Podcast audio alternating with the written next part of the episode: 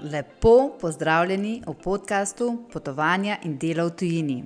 Moje ime je Maja Novak, zadnjih 16 let sem potovala in delala v tujini, med drugim kot interior manager na privatnih jahtah in živela v več kot desetih državah sveta. Preko podcasta želim svoje izkušnje in nasvete deliti z vsemi vami, ki vas take tematike privlačijo. V družbi navdihujočih gostov se razvijajo pogovori o osebni rasti skozi potovanja, različnih možnostih dela v tujini za mlade, o digitalnem nomadstvu, retritih in o skrbi zase. Welcome aboard! Današnja epizoda je nastala v sodelovanju z Avrovalnico Vzajemna, na katero sama presegam že celih 17 let potovanja in dela v tujini. Z Lili odgovarjava na vsa vaša vprašanja o zavarovanjih za tujino, ki jih pogosto dobivam v zasebna sporočila.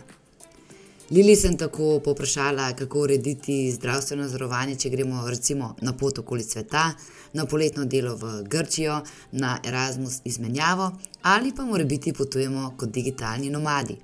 Najbolj od vsega pa sta me med pogovorom presenetili dve zadevi. Zakaj Lili ne priporoča, da se dopolnilno zavarovanje v Sloveniji med delom v tujini zamrzne in na kaj moramo opaziti, ko uveljavljamo povrnitev stroškov zavarovanja v državah tretjega sveta?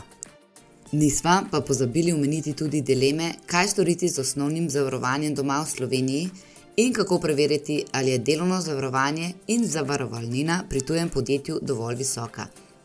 Verjamem, da si boš s pomočjo te epizode razjasnil oziroma razjasnila, kaj točno potrebuješ od zavarovanja.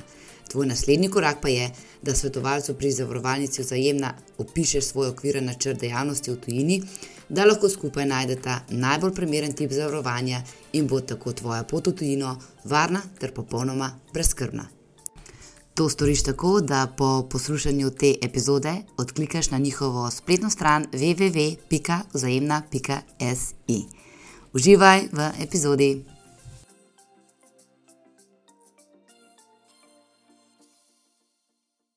En lep pozdrav v 67. epizodo podcasta Potovanja in delo v Tini. Danes smo pred eh, sabo eno res odlično temo, uh, kjer želim nasloviti vsa vaša vprašanja, sporočila, ki jih dobim v e-mail inbox uh, o zavarovanjih. In zato sem seveda poprosi, poprosila za pomoč zavarovalnico Zajemno, kateri zaupam že 17 let na svojih potovanjih in delo v Tini.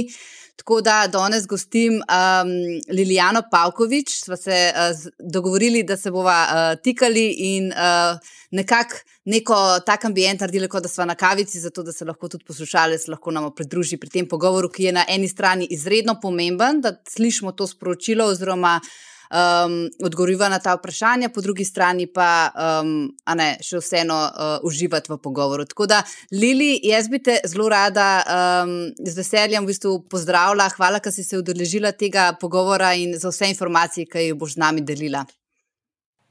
Živijo Maja in uh, živijo vsem poslušalcem, seveda se tudi sama veselim tega klepeta kako ste v uh, zavarovalnici vzajemna, vse poteka tako, kot mora, ste dobro zajadrali v jesen.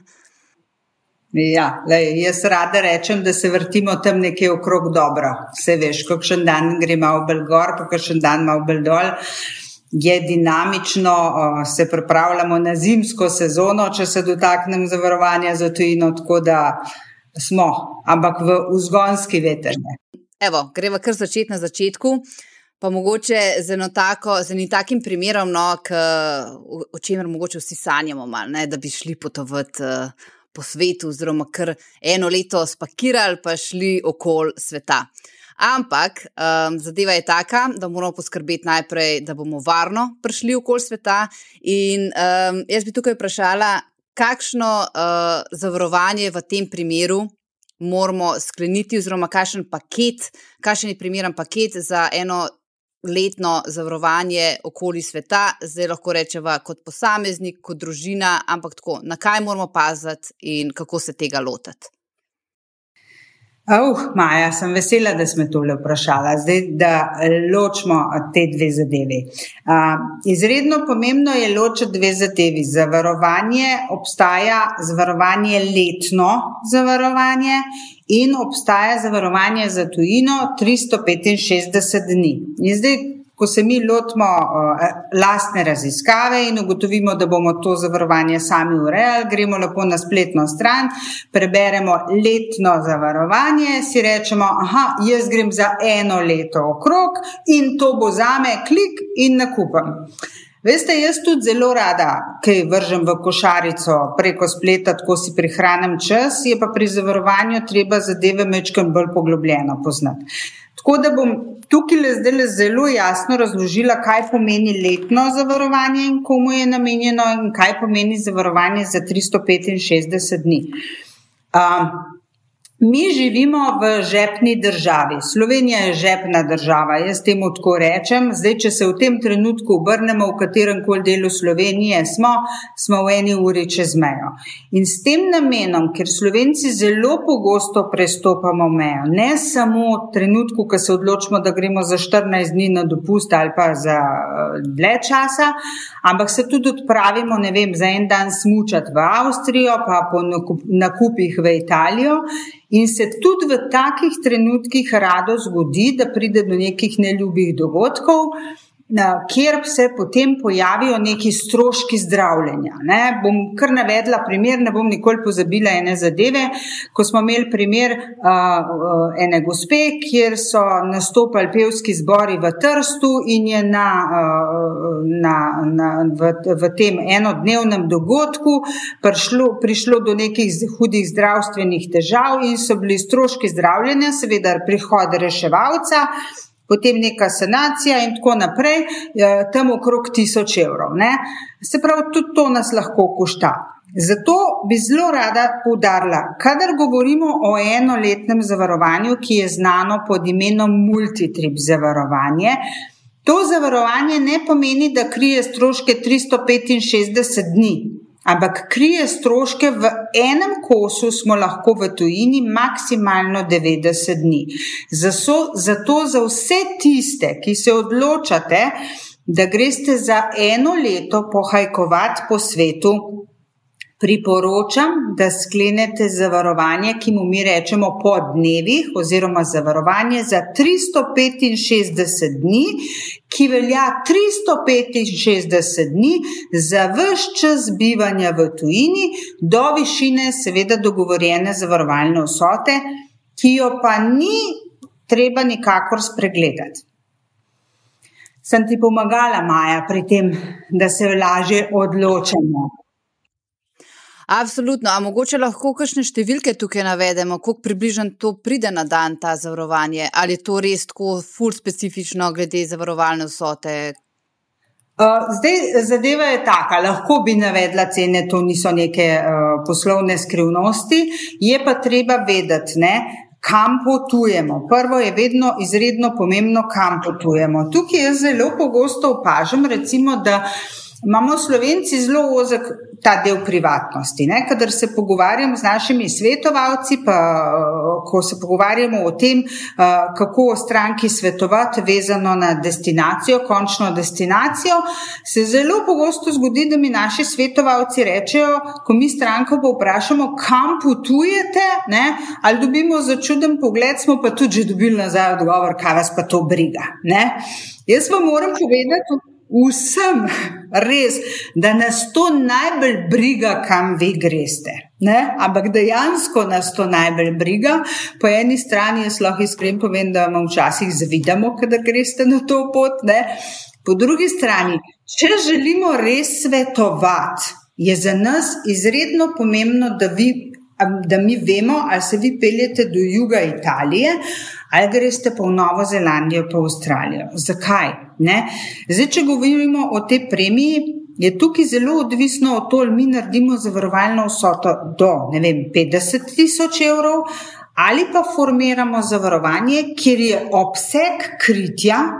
Ne, kritja stroškov za zdravstvene storitve do enega milijona evrov. Jaz bi tukaj samo še upletla, ne, ker vidim pri mojih kandidatih doskrat, da neka spletna zavarovanja, ne, tako kot si prej omenila, hitro nekaj klikneš, ki se ti ne da, ne, glih to, da imaš. Um, pa sem doskrat v bistvu že dobila od mojih kandidatov, ja, jaz tam pri spletu nekaj za 300 evrov dobim za celo leto zavarovanja in to kliknem in imam in je to to. da mogoče je tukaj bolj pametno um, vzeti zavarovanje od ne nekoga, ki um, govori tudi o tvojem ne, jeziku, ki ti v bistvu lahko svetuje, ki lahko kadarkoli pokličeš, in um, je na drugi strani res nekdo. Ne, ne, ne tako, kot si prej rekel, nekaj pokličeš, daš v košarco, glej to, kar se pač se s tem res ne da ukvarjati. Ne. In mi je to pomembno, da okay, se ta potka zdaj snimava, pa dava okvirne informacije, ki so izrednega pomena, ampak pol je pa naslednji korak, da tudi v zavarovalnico kontaktirajo in tako, kot smo rekli, res povejo, kam grejo, za koliko časa, kaj bojo delali. Ker je tudi razlika, ne, ali bojo šli nekam v visokogorje hajkat, ali bojo šli se potapljati, ali bojo šli surfati, ker to so pa že ekstremni športi. In vse te malenkosti, več stvari, ki vi poveste. Bolj bojo lahko nek paket za vas oblikovali. A je to, a sem prav povedala? Ja, res si dobro to povedala. Ne? Predvsem je izredno pomembno, sploh, kadar se ukvarjamo, odpravljamo na te daljše poti, ne? da nekako tako, kot ste si sami naredili neko schemo, ne? vsak si naredi neko schemo, ne? ve točno, v katero smer si želi iti. Te scheme se ni treba dobesedno držati, lahko te odnese 500 km levo, pa 500 km desno, ampak vse te države, ki jih nekdo načrtuje obiskovati, um, so države, za katere mi dejansko približno vemo, kakšni so stroški zdravljenja za isto zdravstveno storitev. Ne? Ker recimo neka zdravstvena storitev, kaj pa jaz vem, rečemo nek zlom noge ali pa ne vem kaj, je lahko v neki bližnji državi, samo če pogledamo v našo okolico v Sloveniji, Če se premaknemo južnje od Slovenije, se lahko strošek vrti nekje okrog ne vem, 500 evrov do 1000 evrov. Ne? Če se premaknemo severno, se ta strošek multiplicira v 1000 evrov. Ne? In recimo v neki državi, kot je vem, Švica ali pa ne rečem gorše severne, je lahko ta strošek tudi 6000 evrov. Ne? Če pa mi premaknemo to zadevo v neke odmaknjene dele sveta, in dodamo stroške prevoza, kar pomeni, da pride do neke poškodbe, kjer se mi ne moremo gibati več v nadaljevanju, in je treba dodati strošek prevoza. Ali pa celo maja, ne, kar se tudi zelo rado zgodi, stroške reševanja. Ker, kadar se mi premikamo celo leto po svetu, si jaz predstavljam, da se ne premikamo po nekih rezortih, pa nekih finih uh, destinacijah, ne? ampak smo avanturistični. Zdaj, zdaj si me malo vrnila nazaj v mojo mladosti. Tudi jaz sem včasih dala ruzak na ramo, uh, pa hodila na pohojkovat okrog, pa po Atlasu, pa ne vem kje. Ne? In tukaj na tej točki, ne, tudi ljudje, ki pridemo potem v to obdobje, ko ko smo že malo starejši, ne bom pozabila, um, mislim, da je bilo lansko leto, če se dobro spomnim, ali pa mogoče dve leti nazaj, smo imeli gospod, ki so bili na neki eksotični destinaciji. Moram biti uh, mečken diskretna, ne smem točno vse povedati. Na eksotični destinaciji, na nekih eksotičnih otokih, kjer je prišlo do zdrsa, paca ne, na tako nerodnem koncu otoka, da, so, da je bilo potrebno um, uh, 8 ur, če se dobro spomnim, so jo nosili na nosilih, da so jo sploh lahko naložili v vozilo in potem v nadaljevanju. Ne. In zdaj, ko se mi pogovarjamo, ko svetujemo, ne, tukaj ne gre samo za stroške zdravljenja, tukaj gre za stroške zdravljenja, stroške prevoza, stroške iskanja in reševanja. Ne. In vse to se seveda, ne vem, z bolj oddaljeno destinacijo se te stroški multiplicirajo. Um, zelo zanimiv primer, ki smo ga imeli, je bila recimo prometna nesreča v Braziliji. Ne? Prometna nesreča v Braziliji, pa bomo rekli, Brazilija ni draga država, ne? ampak če pogledamo prometno nesrečo, reševalno vozilo, stroški zdravljenja, operativni posegi in vse, so se stroški gibali nekje okrog 150 tisoč evrov. ja. Ne? In tukaj dejansko govorimo o, o, o res visokih stroških. Ne? Če pa pogledamo, recimo, vem, Tajsko, ki je oddaljena država, to ni prav blizu v soseščini, pa smo imeli recimo tudi zlom vratnega vretenca in tako naprej, tam so bili pa stroški pod 50 tisoč evrov. Ne?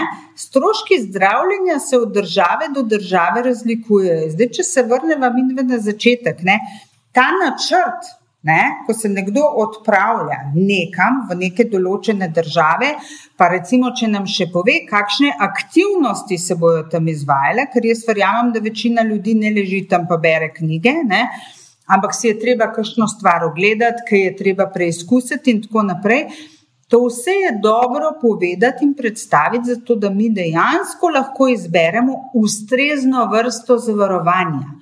Ne?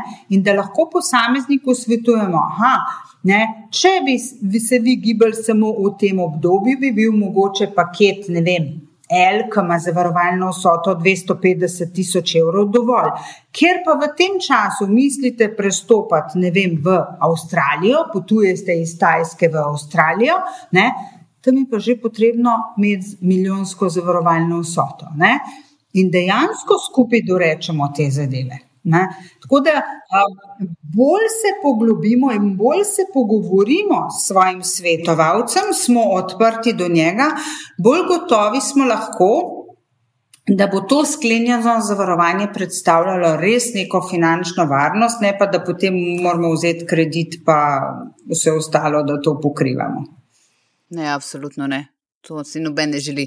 Da greva mi dve na drug primer. Zelo veliko mladih mam, ki gre na te working holiday vize. Working holiday vize je delovna viza, ki jo slovenci lahko dobimo za Novo Zelandijo, Kanado ali Avstralijo, in to pomeni, da gremo tja uh, do 31. leta, recimo, je možno dobiti to vizo in ti mal tam potuješ, mal uh, priložnostno delaš, zato da si ta potovanje lahko privoščiš in si nekako eno leto lahko v tej državi. Um, tako da je, a ne, uh, zdaj načeloma tam ko delaš, recimo, največkrat delajo mogoče v kakšnih um, adrenalinskih parkih ali pa obiranje sadja, tam ne dobijo nekega delovnega zavarovanja, tako če si iskreno, ker je to delo za en mesec, dva, tri mogoče.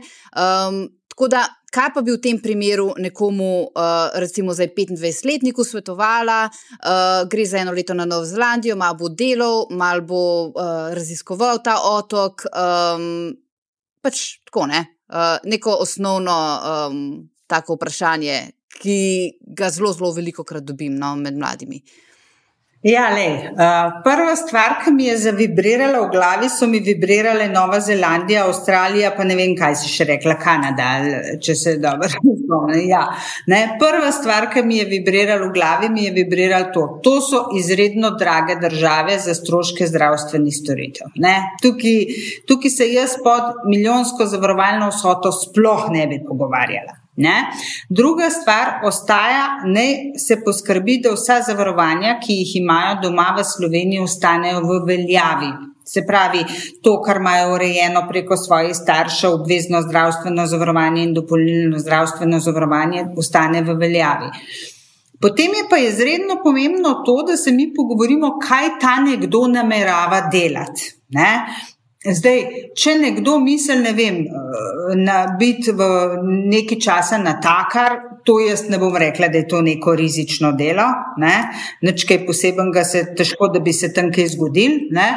Če pa mi se pogovarjamo o kakšnem zadevu, kjer lahko pride do nekega zdrsa ali pa karkoli, ne, je pa to že treba v nadaljevanju povedati, predstaviti, zato da lahko, da smo seznanjeni s temi zadevami. Se pravi, glede na izbiro lokacije, je iz, takoj na začetku moja prva stvar, o kateri bi jaz razmišljala, je ta milijonska zavarovalna vsota. Tukaj se nič drugega ne pogovarjam kot to.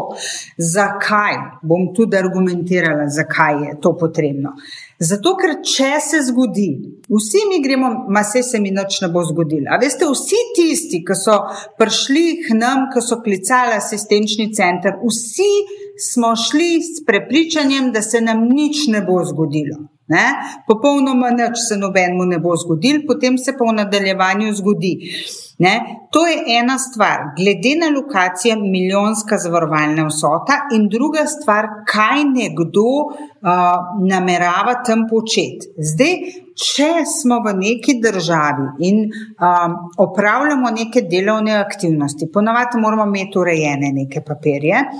Jaz tukaj vedno posamezniku tudi svetujem to, da preverijo, če v tej državi tudi obstaja kakšno dodatno zavarovanje, ki ga lahko skleneš za čas dela v tej tujini. Um, zdaj se točno ne spomnim, kje je država, mislim, ne vem, lahko da je bila Nova Zelandija ali pa nekaj v tem koncu. Vem, da sem se pogovarjala z enim znancem, ki je v tistih krajih delal kot kuhar in mi je povedal, da Ob tem so mu rekli, da si mora urediti zavarovanje, zato ker lahko pride do nezgode. In on je rekel, da ima urejeno zavarovanje doma, in so rekli: ne, ne. Ne? In je bilo treba še tam urediti neko zavarovanje, ker v kuhinji zelo hitro pride do nezgode. Ne? Ali nekaj cvremo, pa je vroče olje, pa je ogenj, pa tako naprej, in kako koli. Se pravi, na eni strani se tudi v državi pozanimamo sami, na drugi strani pa poskrbimo za to, da si odredimo to zavarovanje, zdaj, če gremo za celo leto, celo leto, zato da nam vseh teh 365 dni velja zavarovanje. In vedno razmišljati o tem, veste, mi, zavarovalničari, imamo en termin, ki ga zelo pogosto uporabljamo, in to je največja možna škoda. Ne?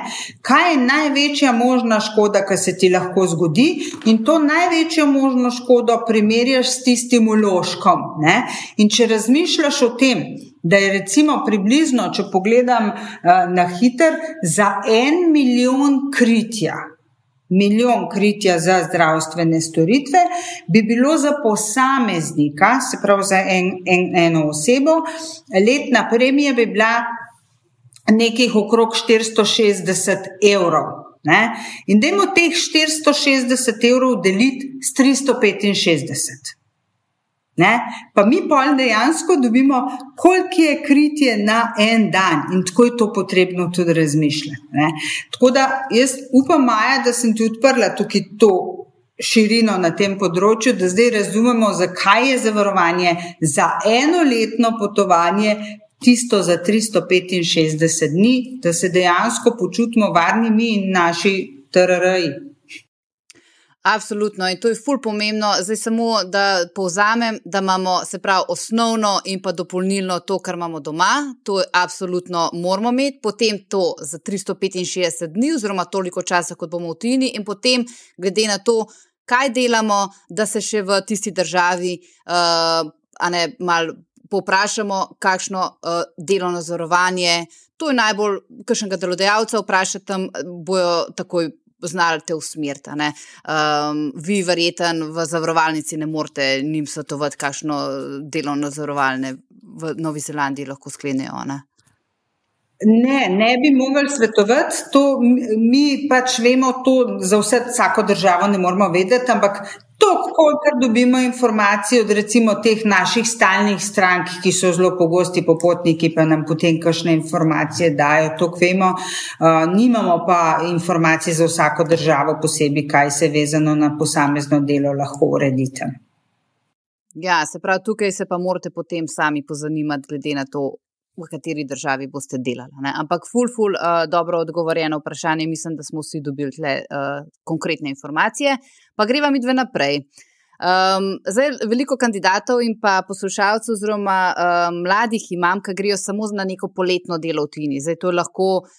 Ok, ZDA je malo drugače, ker to so preko uh, organiziranih programov in tam je že neko zavarovanje vključeno, tako da to ne bova o tem govorili. Grejo pa na neko poletno uh, delo, recimo zelo popularna je Španija, uh, Grčija, v kakšno hotelirstvo, kot animator, kot ne vem, oper oziroma varuška, ampak to delo traja recimo od 3 do 5 mesecev.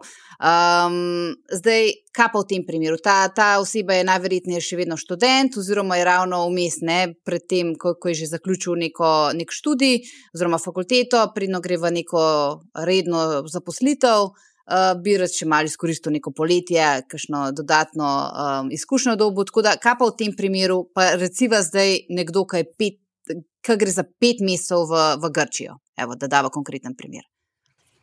Ok, v redu, Grčija ni nalač, ne? tako da tam nekje, če razmišljam o, o paketu M, bi rekla, da je paket M zavarovalna vsota 120 tisoč evrov čist dovolj uh, in za stroške reševanja in za uh, stroške prevoza in tako naprej. Zdaj, če gre, tukaj, pa, tukaj sva pa postavlja obdobje 3 do 5 mesecev. Ne? Če odhaja nekdo za 3 mesece, Se to pomeni, da bo v 90 dneh nazaj prišel domov. V takem primeru je dovolj, recimo, družinski multitrip. Družina sklene enoletno zavarovanje za, za vse družinske člane, in potem ne rabi ta posameznik nič, nič dodatno sklepati. To je čist dovolj, da ima. Če pa je več kot 90 dni, se pravi več kot 3 mesece, 3 mesece pa 2 tedna ali pa 5, 5 eh, mesecev, takrat bi pa jaz že svetovala, da naredi zavarovanje za 365 dni, oziroma za to dodatno razliko naredi še zavarovanje za 365 dni. Ne? Se pravi, ne za 365, tako sem ga imenovala, to je ime, ampak da sklene zavarovanje recimo za 150 dni, kar bi bilo nekih približno 5 mesecev, in potem je v tem obdobju varen. Ne? Um, ne glede na to, kakšno aktivnost, ker aktivnosti, ki si jih pa naštela, niso pa nič rizične, ne? a operni, nič posebnega, uh, na takar tudi ne, uh, kaj bila pa že vna tretja animator, pa tudi tako. Ne? Razen zdaj, eh, tudi v tem primeru, to so animatorji, ki ponavadi skrbijo za kakšne manjše otroke ali pa ne vem, vabijo goste v določene lokale in tako naprej. Ja. Ja. Tukaj sem hotela samo še dodati, kaj pa, okay, rekel si 150, 150 dni, kaj pa recimo, da vzame multitrip tri mesece, plus še dodatne dva meseca, se pravi, plus še 60 dni. Ali je to tudi ok? A prišpara dejansko ok? Ja, to sem prehiter povedala. Lahko koristi ne, družinski multitrip, pa doda še tisto število dni, kot mu manjka, se pravi, za tri mesece gre iz družinskega multitripa, ostala razlika do petih mesecev se sklene zavarovanje za 365 dni oziroma po dnevih. Če pa tega družinskega multitripa nima družina, ne, potem pa svetujem, da se sklene, um, da se sklene uh, zavarovanje za pet mesecev, to je teh 150 dni, recimo tam nekje. Samo je recimo bolj optimalno, če vzameš multitrip, ko imaš celo leto, ker mogoče pa ravno, ne vem, potem boš pa decembra šel nekam smučati, pa bo že imel recimo ta multitrip ali pa, ne, tako, eh, da imaš za celo leto, kaj pa veš, kam boš šel. Kar se tiče letnega zavarovanja za tujino, mislim, da je to kar obvezna oprema vsakega slovenca. Uh, jaz um, Zelo pogosto rečem, da mi imamo um, prvo, so pustimo poletje. Ne? Ko se zaključi poletje, zdaj smo v tem obdobju, ko so tele uh, krompirjeve počitnice. V času krompirjevih počitnic, tako ali pa drugače, ljudje odpravijo nekam na, na dopust. Takoj zatem prihajajo božično-novoletni prazniki, za božično-novoletnimi pridejo zimske počitnice, potem so velikonočne in tako naprej. In v tem času ne, uh, smo pač imamo v Sloveniji navado, da se odpravimo nekam. Ne? Ali zdaj ali gremo na enodnevni izlet, ali pa gremo za kakšne parni v tujino. In zato je nekaj, kar jaz zelo pogosto rečem, da je zavarovanje, varovanje mojega TRR-ja. Um, veliko lažje je za nek družinski multitrip, ki ne predstavlja nek velik strošek, um, urediti zavarovanje, kot pa uh, kriti stroške zdravljenja, ki so lahko res, res visoki. Pa ne razmišljati o tem, kaj se nam lahko zgodi, ker tudi od Ljubljane do Kranja se nam lahko nekaj zgodi, pa na poti nismo nič razmišljali, ko smo na cesti. Ne? Tako da. Tukaj sem jaz vedno rezervirana, pa rečem, da je mu pustimo stati, da mu urediti to, pa naj se nič potem ne zgodi. Zdaj, marsikdo, uh, ki naj posluša, bi mogoče se tudi vprašal, ja, pa se vam jaz evropsko kartico. A, a to ni dovolj, ko grem recimo za božične praznike, recimo vem, v Zagreb na, na sejem ali pa na Dunaj ali pa to, se vam evropsko kartico, zakaj bi pa rabo zdaj ta multitrip? Evropska kartica je fajn ne? in jaz vsakmu priporočam, da si uredijo evropsko kartico. Tudi jaz, kljub temu, da delam v zavarovalnici in imam zavarovanje, imam urejeno evropsko kartico. Je pa zelo dobro tudi vedeti, kaj evropska kartica krije, oziroma kaj ne krije. Ne? Ena stvar, ki jo jaz zelo rada poudarjam pri tej evropski kartici, je to, da evropska kartica ne krije stroške prevoza. Zdaj, če mi vzamemo neko situacijo, da se nam nekaj zgodi in da nas je treba pripeljati ali do bolnišnice ali do neke zdravstvene ustanove, ta transport od točke A do točke B ni krit. Um, če recimo samo navedem primer, zdaj, ko prihaja ta zimski čas, um, prevoz smočišča do bolnišnice zna biti zelo drag, boleče drag, tako računa se v tisočih evrov. E, evrov um, v Avstriji uh, to znaša od 5000 evrov naprej, tako da od tukaj jaz pravim, da vsak pri sebi razmisel. Druga stvar je pa še ena dikcija. Če se v državi plačuje neka participacija, jo moramo plačati in se iz tega ne vrne nazaj. In tretja izredno pomembna stvar, ki je pa navedena, Evropska kartica krije stroške do višine stroškov zdravljenja, kot bi bili te v matični državi. Zdaj, če gremo mi, če gremo mi vem, v Avstrijo, Švico, v neke države, kjer so stroški zdravljenja višji kot so stroški zdravljenja v Sloveniji, potem to razliko se z nas zgodi, da moramo poravnati sami. Tako da kombinacija vsega je. Treba je pač poznati te elemente in predvsem toplo svetujem, um, ja, evropska kartica v redu, ampak dajte pogledati, kje je luknja in to luknjo seveda z dodatnimi zavarovanji, ki jih ima vzajemna zelo široko paleto urediti.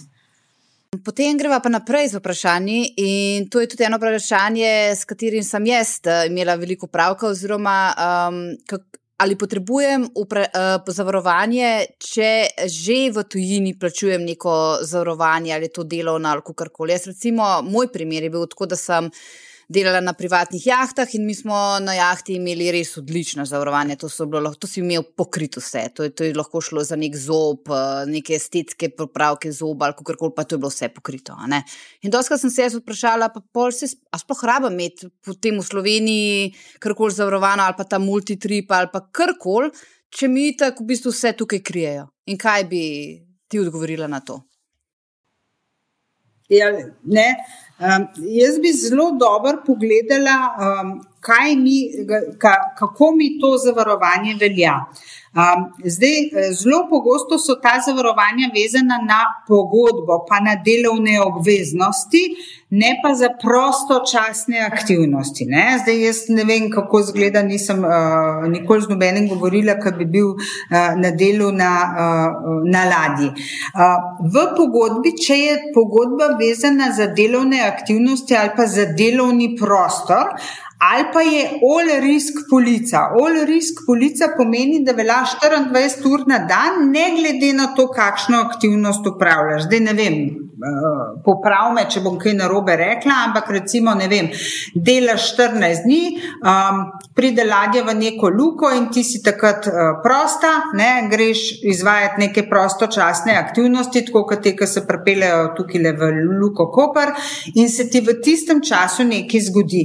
Zato jaz toplo svetujem tukaj previdnost, ne? ker pa. Ne?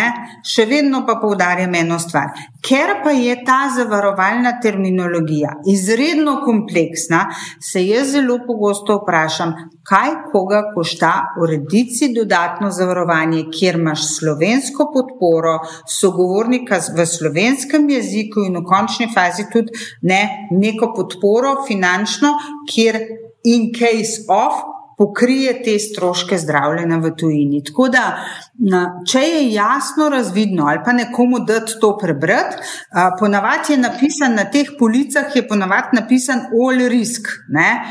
Sami jaz sem v zavarovalništvu 33 let ne? in jaz še nisem slišala zavarovanje, ki bi krilo vse.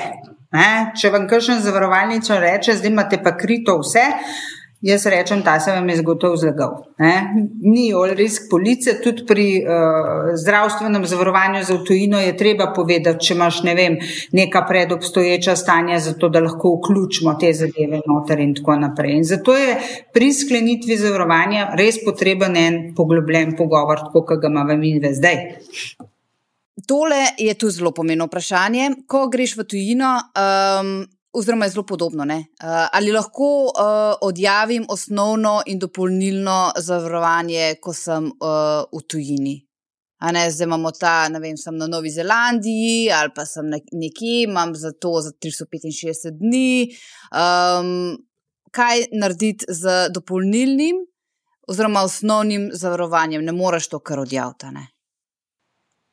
Ne, ne moreš odjaviti. Lete, stroški zdravljenja v tujini niso namenjeni temu, da vi bivate tam permanentno v tujini. Stroški zdravljenja v vseh pogojih je noter napisano, v vseh pogojih vseh zavarovalnic, da krije nujno medicinsko pomoč. Nujna medicinska pomoč pomeni, da mi poskrbimo za to, da vaše življenje in zdravje ni ogroženo.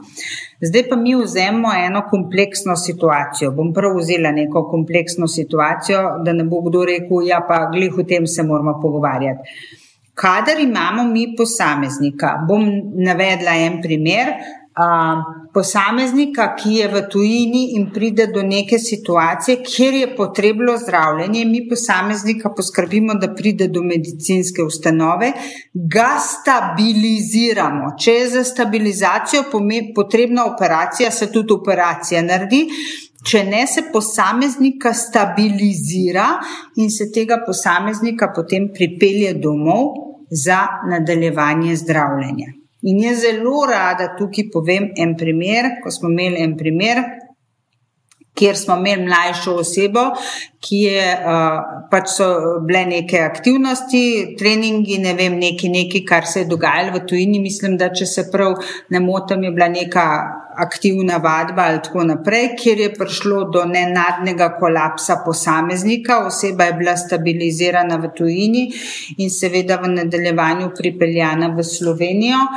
V Sloveniji pa je zadeva taka, da je potem uh, zavarovanec šel takoj v zdravljenje. In zdaj, če mi to zavarovanje tukaj prekinemo, če mi prekinemo to zavarovanje v Sloveniji, potem, ko pridemo nazaj v Slovenijo, dobimo položnice domov, ne? ker zavarovanje, obvezno in dopolnilno zdravstveno zavarovanje plačujemo zato, da se iz tega krijejo stroški zdravljenja v Sloveniji. In ker je tukaj bila zadeva tako urejena, da pač ni bilo urejeno zavarovanje v Sloveniji, seveda oseba je šla zdravljenje, zdravljenjem naprej, šlo je za neke mlajša oseba, je bila, ampak kljub temu je šlo za neke srčne težave so starši te osebe doma prejeli račun za 24 tisoč evrov. Zato, ja, to je kar en dober avto. Ali pa če primerjamo s čemkoli drugim, koliko je to. Um, jaz verjamem, da so posamezniki, ki nimajo 24 tisoč evrov, ne? tudi 4 tisoč evrov, kaj šele 24 tisoč evrov na lagarju. Tako da uh, jaz vsakem toplo svetujem, da to zdravstveno zavarovanje, ki ga imamo v Sloveniji, ostane v veljavi, ker naše zdravljenje, če pride do česar koli v tujini, se nadaljuje v matični državi. Da, moj odgovor je ali obvezno in dopolnilno prekiniti, ne v nobenem primeru. Se pravi, tudi ne zamrzni dopolnilnega zavarovanja lahko ga zamrznemo. Zdaj, če mi mislimo, da, bomo, da gremo v, v vem, tujino, pa bomo deset mesecev tam delali, ne, lahko ga zamrznemo, vendar je treba v tistem trenutku, ko se posamezniku nekaj zgodi in ko je tam že v bolnišnici, razmišljati o tem, da se to pravočasno odmrzne. Ker tukaj smo imeli tako situacijo, da zavarovanje ni bilo odmrzneno in zato so bili stroški potem na bremenih uh, zavarovanca. Ok, zdaj pa eh, zelo aktualna tema, ki mislim, da bo v naslednjih letih še bolj aktualna in tudi ogromno vprašanj dobim, je pa digitalno nomadstvo. To je dosta stvari, ki še ni urejenih tukaj v Sloveniji, kako je tu z davčnim rezidentstvom in tako te zadeve. Kako je pa z zavarovanjem? Se pravi, imamo nekoga, ki je digitalni nomad, to pomeni, da uh, lahko upravlja delo preko računalnikov, preko spleta in lahko praktično živi kjerkoli po svetu, lokacijsko je neodvisen. In recimo, da se on odloči, da gre mal na Tajsko, potem mal na Bali, mal na, um, kaj se vem, v, v Južno Afriko, tako lahko dela kjerkoli. Um, kako pa je zavarovanjem v tem primeru? Pa ima recimo svoj SP ali pa DOO ali karkoli, oziroma je lahko celo za, za, zavarovan, oziroma zaposlen pri firmi, ki omogoča delo remotely oziroma lokacijsko neodvisno, ampak ima že neko zavarovanje, ki ga plačuje ali preko SP ali preko uh, nekega, neke firme. Ne? Kot prvo, kot prvo, zdaj to smo že naredili, zdaj malo šolo zavarovalništva, zdaj vemo, kaj je multitrip, pa vemo, kaj je 365 dni. Se pravi, če imamo, če imamo mi posameznika, ki se ne nehno gliblje, hkrati pa upravlja svoje delo, potem uredimo zavarovanje za 365 dni. Se pravi, če bo v tujini, uredimo zavarovanje za 365 dni. Glede na to, da so taki ljudje impulzivni in da se odločijo, da zdaj grem pa tja. Jaz tukaj ne bi veliko filozofirala, nič manjka milijonska zavarovalna vsota ne bi naredila in potem se pač človek počuti svoboden. Zdaj, kaj pa, če je samo zaposlen, ne? ena stvar je bila, vem, da ima svoje SP, če je samo zaposlen, potem tak posameznik v Sloveniji mesečno plačuje prispevek za zdravstvo. In ta prispevek za zdravstvo ima tudi obvezno zdravstveno zavarovanje doma, ker pač SP laufa, on tega ne more nikakor odjaviti in prekiniti, to je pač zakonska obveznost in ima urejeno zavarovanje v Sloveniji. Če ima pa delodajalce, danes živimo v danes je svete na vas, ne? Uh, lahko ima delodajalce, jaz ne vem, kje v Ameriki, potem je pa treba zelo dobro se pozanimati, kakšno zavarovanje je na drugi strani. Zdaj, če imaš delodajalca, ki misli, da ti sediš uh, vem, v kamniku v svoji sobi in uh, delaš oddaljeno, pa iz tega naslova dobiš neke kritje stroškov, je ena stvar, je treba zelo dobro in poglobljeno prebrati to pogodbo. Ne? Kaj je noter in kakšni stroški zdravljenja so kriti. Um, tukaj na tej točki bom še enkrat izpostavila tisto zadevo. Uh, stroški zdravstveno zavarovanje v tujini je namenjeno nujnim stroškom zdravljenja, se pravi, da ga posameznika usposobimo, ga, da je tako sposoben, da njegovo življenje v transportu domov ni ogroženo. Transport domov pa včasih zahteva tudi medicinsko spremstvo, ne samo, da me ne naložijo na letalo, ampak karkoli, ampak včasih je tudi potrebno medicinsko spremstvo, določene naprave in tako naprej, in tukaj se stroški kar povečajo, ne? ker je treba plačati eh, medicinske sestre, zdravnike in tako naprej, da lahko posameznik varno pride domov. Tako da na tej točki. Če govorimo o tem nomadstvu, zavarovanje za 365 dni, če je SP registriran v Sloveniji, ima obvezno zavarovanje in dopolnilno že tako ali pa drugače urejeno in naj ostane urejeno, ker se bo zdravljenje nadaljevalo doma. Če pa je delodajalec nek tujc, pa naj se zelo intenzivno pozanima o tem, kakšno to zavarovanje je in kaj bi bilo krito, oziroma kakšni bi bili, kdo krije stroške, če bi državljan Republike Slovenije, ne vem, prišlo do neke poškodbe, prometne nesreče ali pa bolezni, ker bolezen ne zbira leta, ne vem, na Tajskem, na Baliju, kjerkoli.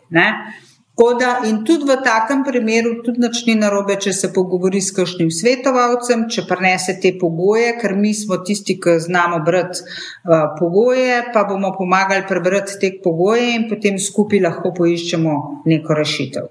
Super, se pravi, tudi lahko k vam v zarovalnico prenesejo to pogodbo, kjer je to delovno zarovanje in vi to malo uh, tolmačite, kako in kaj. Ja, ja, mi bomo prej razumeli. Ne? Mi bomo prej razumeli, ker so pač pogoji, so neka unificirana forma po celem svetu in mi znamo zelo hitro pogledati v teh pogojih, kaj, kje so kritja, pa kje so izključitve, pogledamo, kje so kakšne anomalije, priložnosti in potem primerno temu tudi. Pripravimo neko zavarovanje, ali pa rečemo, ne vem, mogoče je pa samo zavarovalna vsota preniska, pa dajmo mi dodatno narediti, zato da bo zavarovalna vsota v redu, in to je to. Vsekakor, zakaj pa ne? Dobro. Um, zelo popularno je pa tudi kar je na nek način dokaj podobno. Uh, van life. Van life pomeni, da kombi pre, pre, uh, uredimo v nek svoj dom, potovalni dom, um, ali pa potujemo v dejanskem avtodomu in gremo spet na nek uh, ta uh, uh, raziskovanje, potovanje. Ali to lahko tolmačimo enako kot uh, digitalno nomadstvo, ali so mogoče kakšne posebnosti prav za OneLife? Enako ima, enako lahko to tolmačimo, je pa samo treba vedeti, da recimo ostajamo na evropskih tleh ali gremo izven Evrope, ne? ker tukaj se ta zavarovalna vsota diferencira. Ne? Če ostajamo na evropskih tleh, potem ugotavljamo, kje države so to, pa razmišljamo, je paket M ali L dovolj, kar bi nekje v osnovi pomenili, da če govorimo o paketu L, je zavarovalna vsota maksimalna 250. 50 tisoč evrov in bi bilo to čist dovolj. Ne, ne bomo rekli, da ne bomo samo v milijonskih zavarovalnih vsotah govorili. Če pa pač bi bilo to tako, da se tudi naložimo na ladjo, pa se potem odpeljemo izven Evropske, Evro, Evrope same, um, pa bi pa spet uh, v zavarovalni vsoti govorili, ker dosega kritje do milijona. No. Tukaj je To je zelo pomembno, ta lokacija, kar se bo ostalih zadev tiče, pa je enako kot tisto prejšnjo vprašanje, o katerem smo se pogovarjali. Ker tukaj je mogoče razlika ravno v tem, uh, ne, ko si v avtodomu ali v predelanem kombiju, ti dejansko živiš v tem kombiju in tudi spiš na prostem. In najbolj uh, pomembno je tukaj, da se zavemo, da je zelo pogosto, da prihajajo do kakšnih kraj ali pa kaj tasga. Ali to kaj spremeni pri zavarovanju, ali je to že vse vključeno noter, tudi če pride?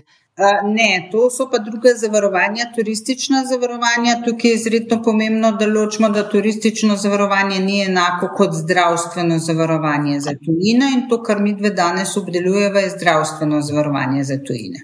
Se pravi, če bi pa rabljali še la, lastnino uh, te zadeve zavarovati, je pa potrebno razmišljati o drugem zavarovanju. Tako se lahko posameznik oglasi pri nas in ga bomo usmerili na ustrezno inštitucijo ali pa ustrezno zavarovalnico, kjer se uredijo še te zadeve.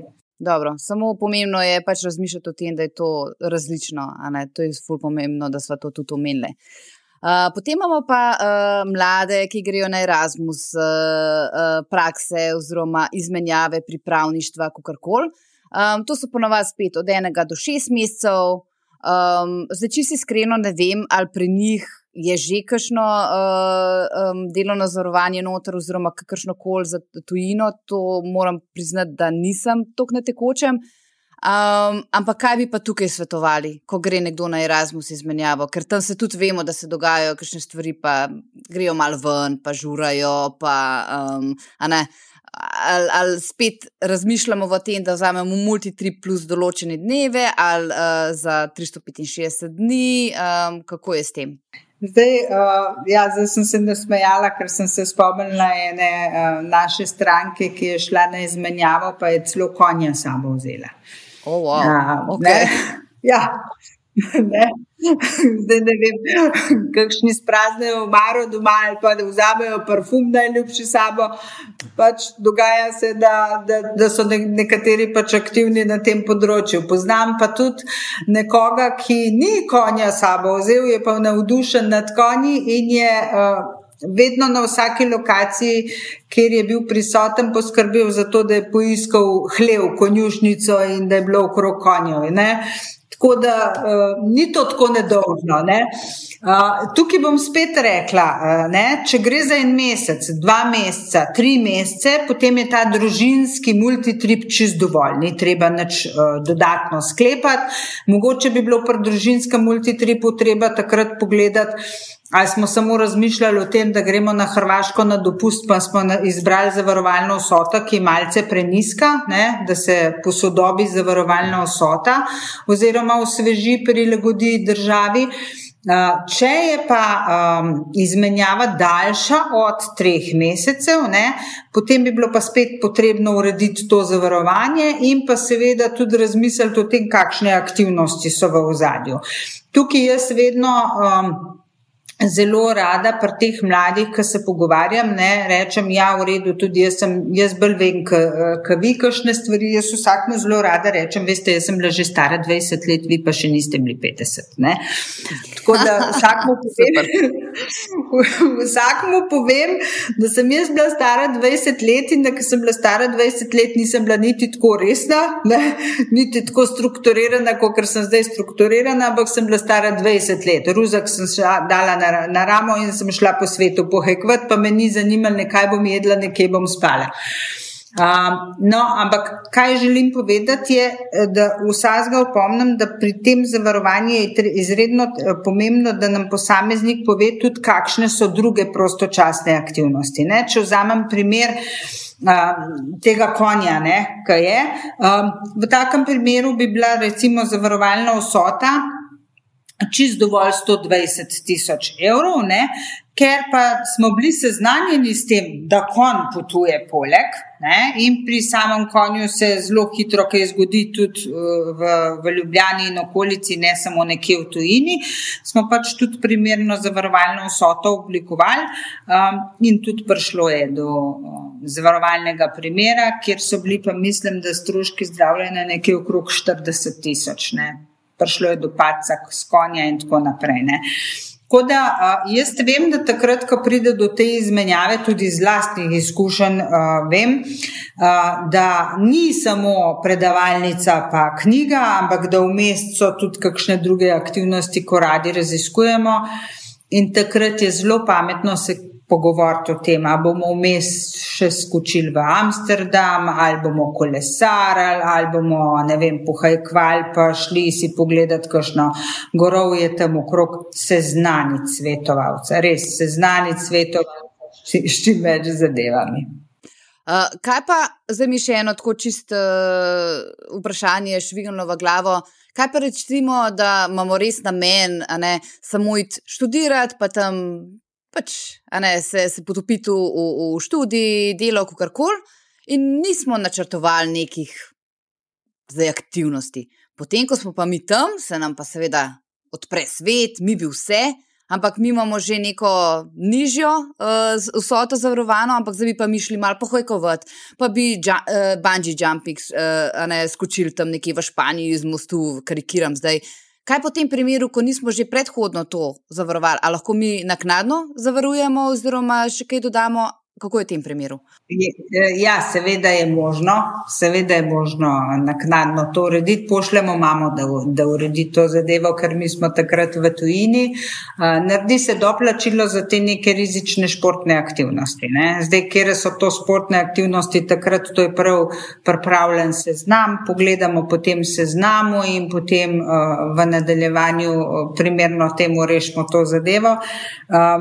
Seveda je pa treba imeti dober odnos z mamo, da bo to mama prišla urediti.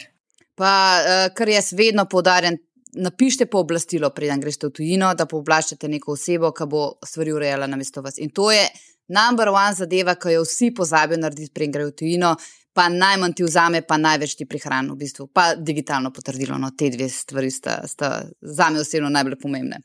Ampak to vse imamo v e-tečaju predpriprava, tako da tistega, ki to zanima, naj si vzame uh, naš e-tečaj, uh, pa bo dobil vso predpripravo v eno uri. Um, Kaj se mora urediti, prijem gre v tujino.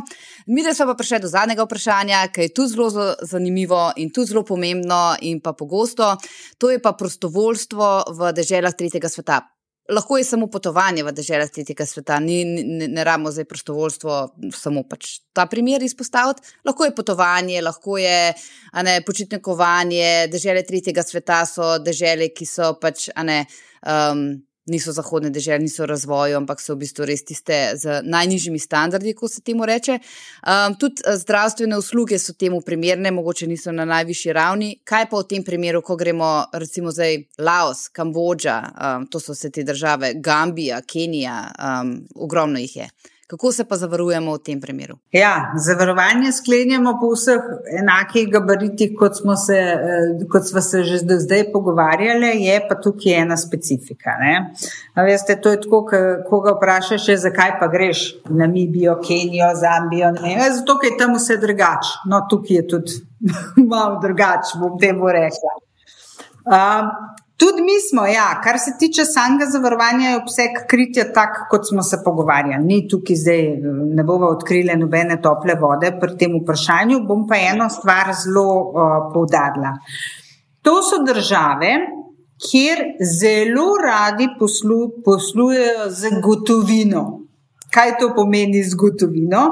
To pomeni, da oni dejansko ne želijo se pogovarjati z našimi asistenčnimi centri, ampak želijo, da to zdravstveno storitev, ki je opravljena, ne, nekdo plača v gotovini. Ne.